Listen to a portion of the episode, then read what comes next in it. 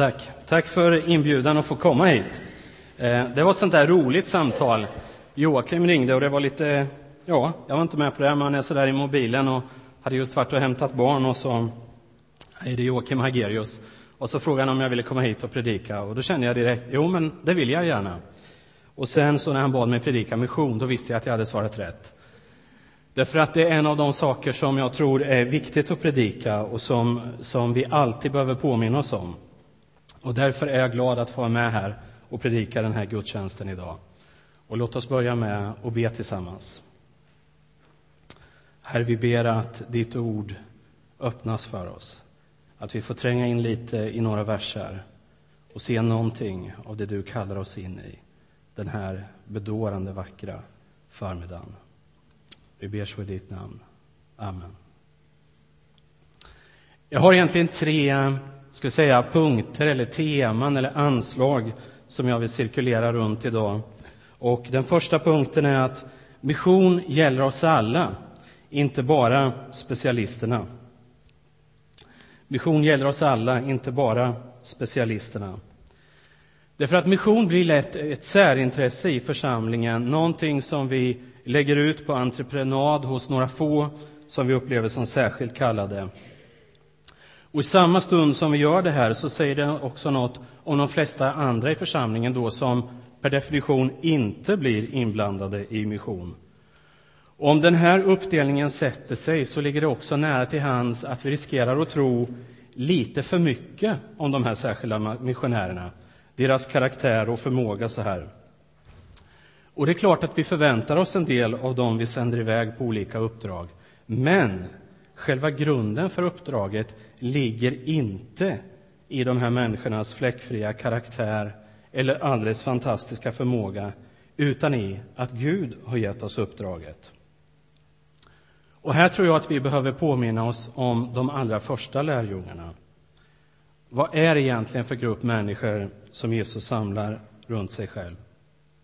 Jo, vi känner igen att det är en ganska bristfällig grupp, ungefär som många av oss.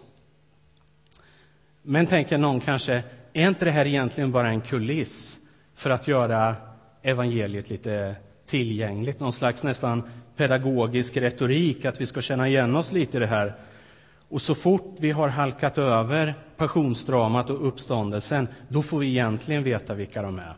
Att det var liksom bara ett sätt att skapa lite, lura läsaren och känna igen sig.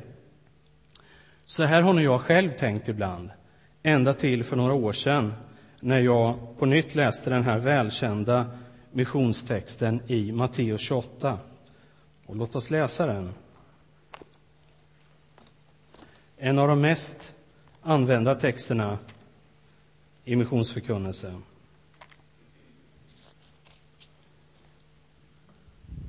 Det är från vers 16 och framåt. Och då skriver Matteus så här. De elva lärjungarna begav sig till Galileen, till det berg dit Jesus hade befallt dem att gå. När de fick se honom där föll de ner och hyllade honom, men några tvivlade.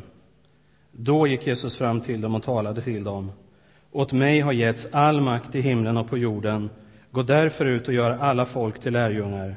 Döp dem i Faderns och Sonens och den heliga Andens namn och lär dem att hålla alla de bud jag har gett er, och jag är med er alla dagar till tidens slut. Och det jag fastnade för i den här texten och det jag inte kan släppa riktigt, det är vers 17. Det här. När de fick se honom där föll de ner och hyllade honom, men några tvivlade. Och jag har inte problem med att de tvivlar, jag kanske själv hade hört till dem. Men det jag inte förstår är att Jesus ger uppdraget till dem allihop. Alltså, här skulle man kunna tänka sig att det vore läge att gallra lite. Han har ju varit med med de här tolv. En har faulat ut sig själv, elva är kvar. De har varit med alltihop det här, de har varit med i Jerusalem. Nu är de uppe i Galileen. Nu står Jesus framför dem, livslevande, och ska ge dem det här kolossala uppdraget. Några har mage att stanna kvar i tvivel i den här situationen. Nu är det väl läge för Jesus att kolla lite, vilka håller inte riktigt måttet? Om man inte tror i det här läget, då är, då är det ju lite lurigt. Och vad händer då i texten? Jo, helt kort kommenterar Marcus, eller Matteus då direkt. Då gick Jesus fram till dem och talade till dem. Och här görs ingen som helst åtskillnad att några inte skulle vara kapabla eller redo eller värdiga eller mogna eller ha någon slags karaktär som är tillräcklig eller så. Utan alla adresseras utan åtskillnad. Det blir ingen skiktning här i gruppen, vem som är duglig eller inte. Och det här är ju de allt ska börja med. Det är någon slags kärntrupp som allt ska börja med. Så om man någonstans skulle fört in några begränsningar så är det väl här. Men ingenting av det sker. Och jag tror att det här är oerhört viktigt och grundläggande för det uppdrag som Jesus ger. Det här är ett uppdrag där alla ska vara med.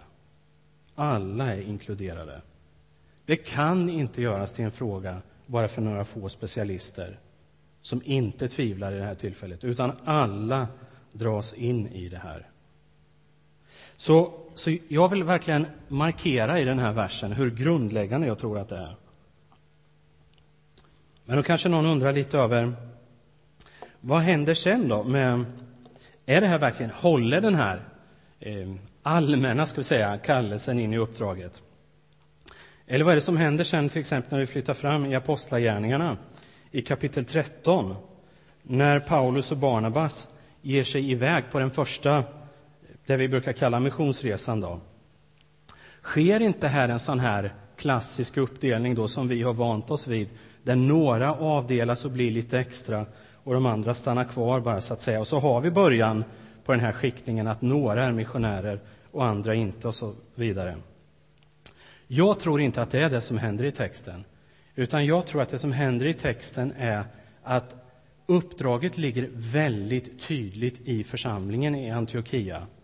Och därför är det just församlingen som lägger händerna på. Och Anden talar till församlingen, och det är församlingen som avdelar de här att åka iväg. Och I den meningen så reduceras de inte till passiva åskådare eller någon slags mottagare av någon annans kallelse som man är med och förverkligar. Utan det är väldigt tydligt att uppdraget här ligger just i hela församlingen.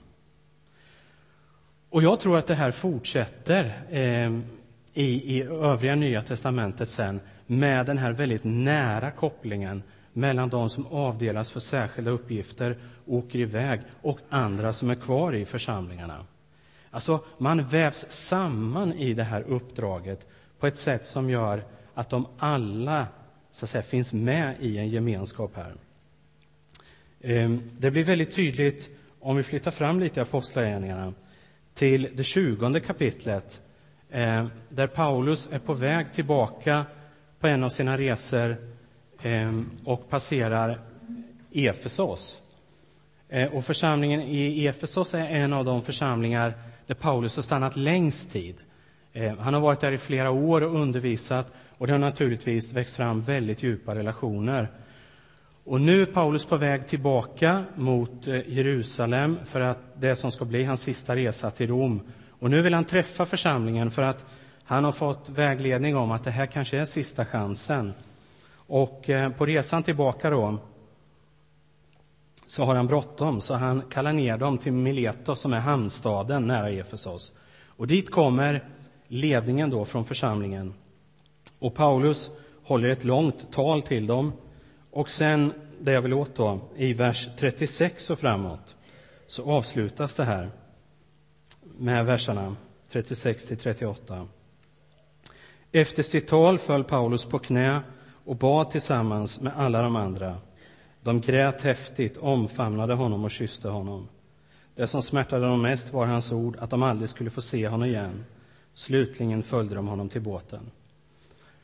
Och det vi ser här är ju inte bara en slags ekonomisk förhållande eller att någon slags relation i att, man har bestämt sig i en projektform för att stödja hit eller dit. Utan det vi ser här är ju hur djupt relationerna är i det här. Alltså man står tillsammans i det här uppdraget. Och när Paulus nu drar tillbaka förbi den här församlingen så är man oerhört förbundna med varandra i det som har hänt i historiskt och det man drömmer om framöver också. Och på det här sättet så är det inte så mycket en fråga om vem som är sänd eller inte av de här, utan att man har olika roller i samma uppdrag. Och det är precis samma mönster som växer fram mellan Paulus och församlingen i Filippi. Det som finns speglat här och i kapitel 16 i Apostlagärningarna, hur det börjar, men där vi kan läsa om bakvägen, så att säga, i Filipperbrevet, någon slags tio år senare kanske, från det att församlingen har startats, hur församlingen i Filippi har fortsatt att stödja Paulus hela vägen. Och när Paulus skriver till dem så är det just det han stryker under. Vi är tillsammans i det här. Och det är den här gemensamheten i uppdraget som förbinder dem med varandra så djupt. Det är därför Paulus är så tacksam över församlingen och det är därför de har så nära relationer och de skickar en av sina medarbetare till Paulus med understöd och sådana här grejer. Det går att lägga ut texten mycket om hur nära den relationen är. Och jag tror att det här uttrycker just hur mission börjar utifrån lärjungagruppen. Alla är indragna i det. Sen kommer folk att ha olika roller i det, men det är församlingens uppdrag. Och det, och det är så det måste vara, tror jag. Eh, jag tror att det här är paradigmatiskt i den meningen. Och det innebär ju att alla ni som är här idag är en del av Saronkyrkans uppdrag, mission. Och alla är ni med på tåget i någon mening. Och det innebär också att vi alla måste hitta vår roll i det för att kunna gestalta den här gemensamheten i uppdraget.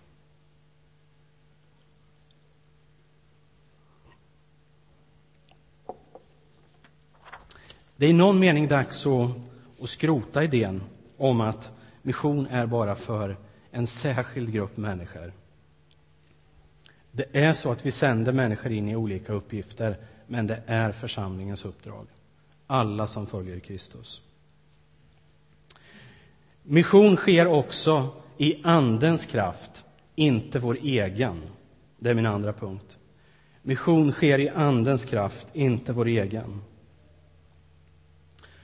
Missionshistorien är ganska långa stycken en enastående historia. Här finns många starka personligheter och fascinerande livsöden. Många av de här människorna är doers i någon mening. De vill förändring och man jobbar oförtrutet i en viss riktning. Och på ett sätt är det här en riktig beskrivning, men det finns en fara om vi läser de här människornas liv lite för fort och slarvigt. Det finns nämligen en väldigt viktig distinktion att göra här. Att mission sker aldrig i vår egen kraft. Den sker alltid i Andens kraft. Hur uppfinningsrik, hur energisk någon människa än är, så sker den alltid i Andens kraft. Och de flesta missionärers liv, sådana här människor som vi har avdelat för särskilda uppgifter, handlar nämligen om ett brustet liv snarare än en framgångssaga.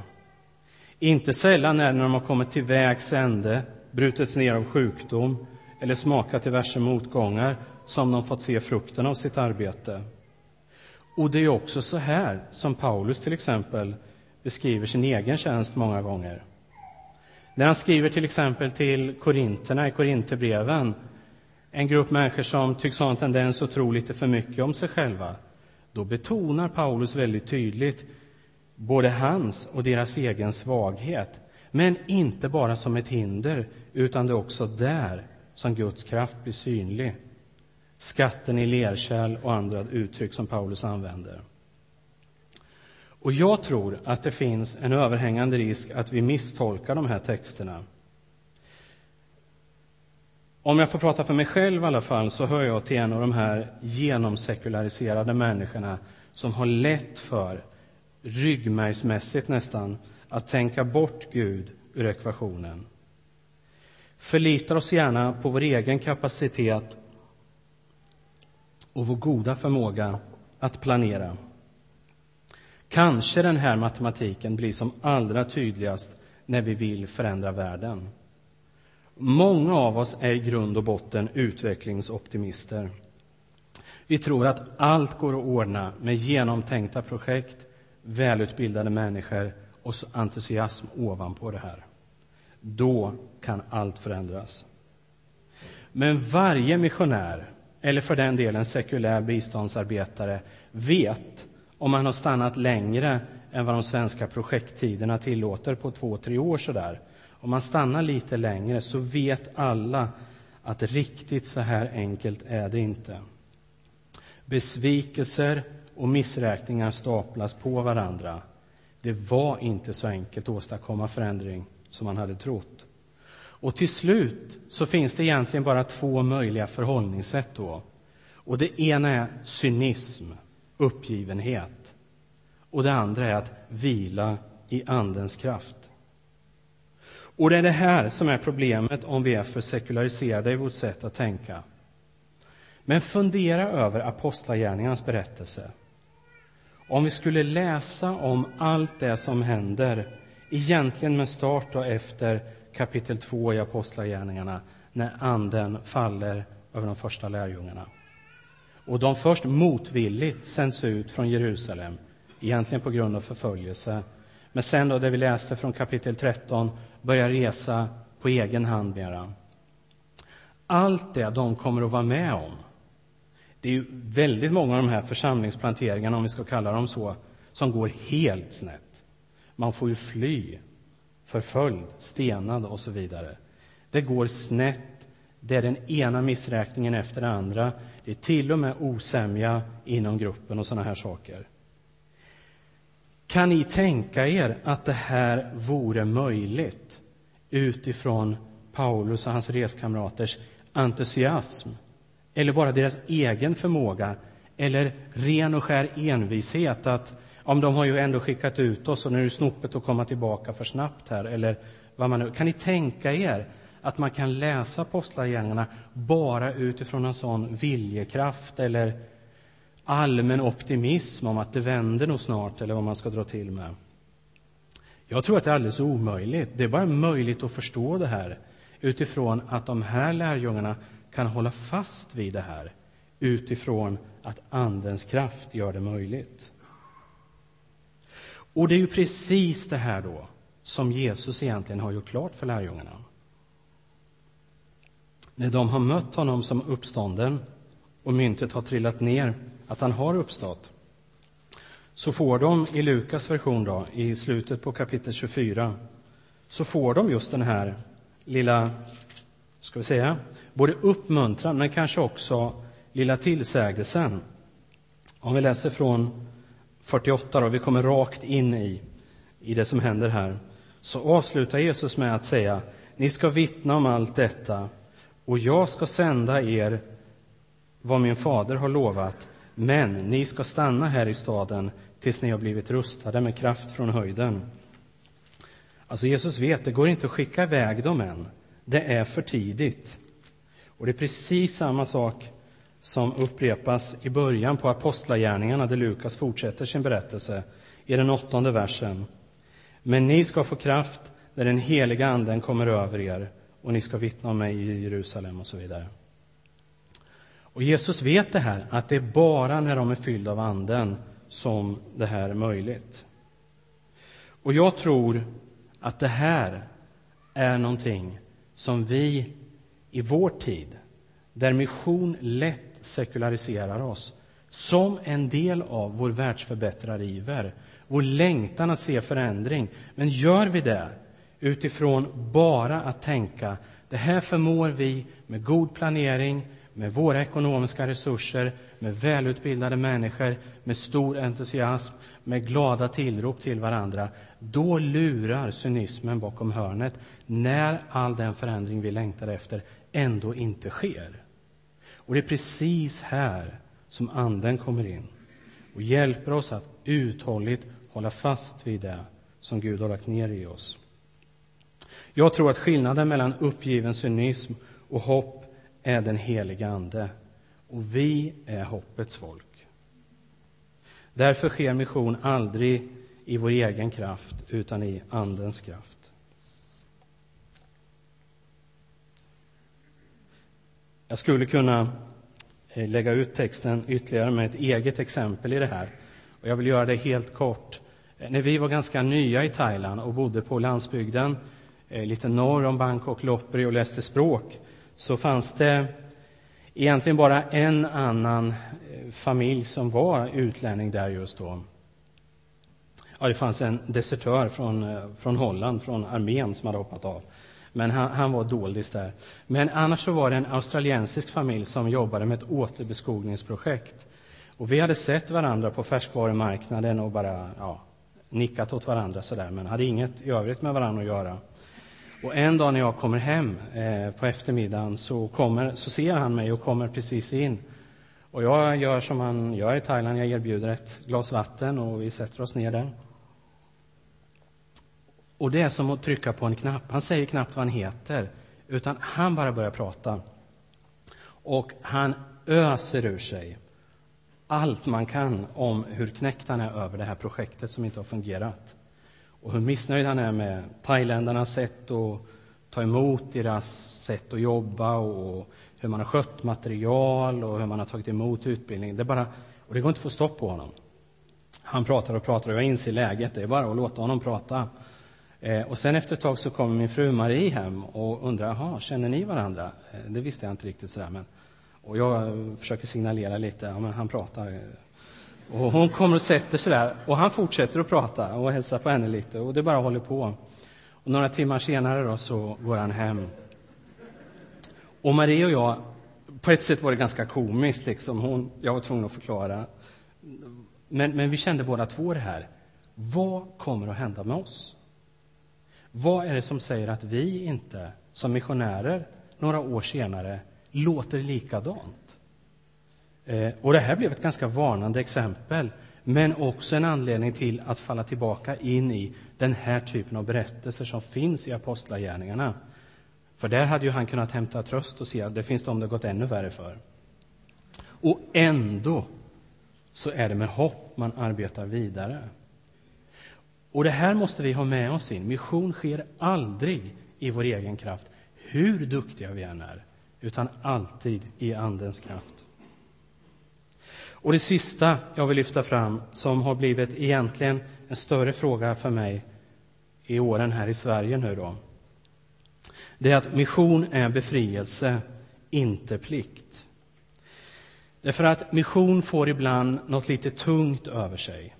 Det kan vara att det saknas pengar, men jag tror att det finns djupare orsaker än så. Jag tror att mission riskerar att komma lite i vägen bland våra övriga livsprojekt. Vi lever här och nu fullt upptagna och vad som sker någon annanstans i världen känns för många av oss ganska avlägset.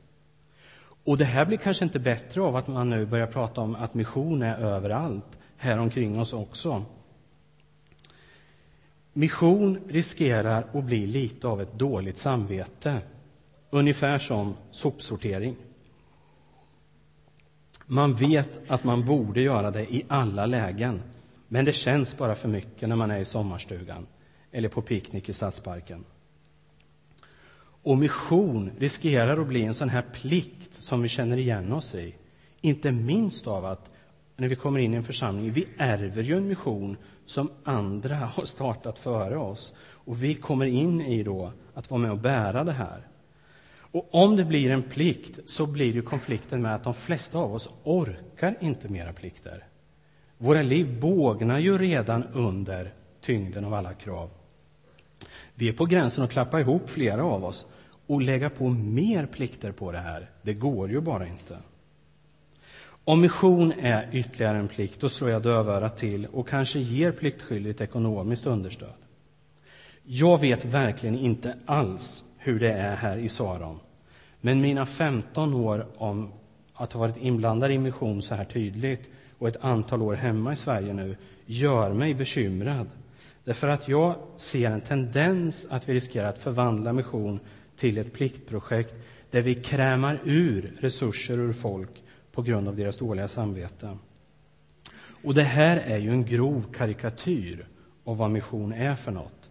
Därför mission handlar inte om plikt, utan om befrielse, också vår egen.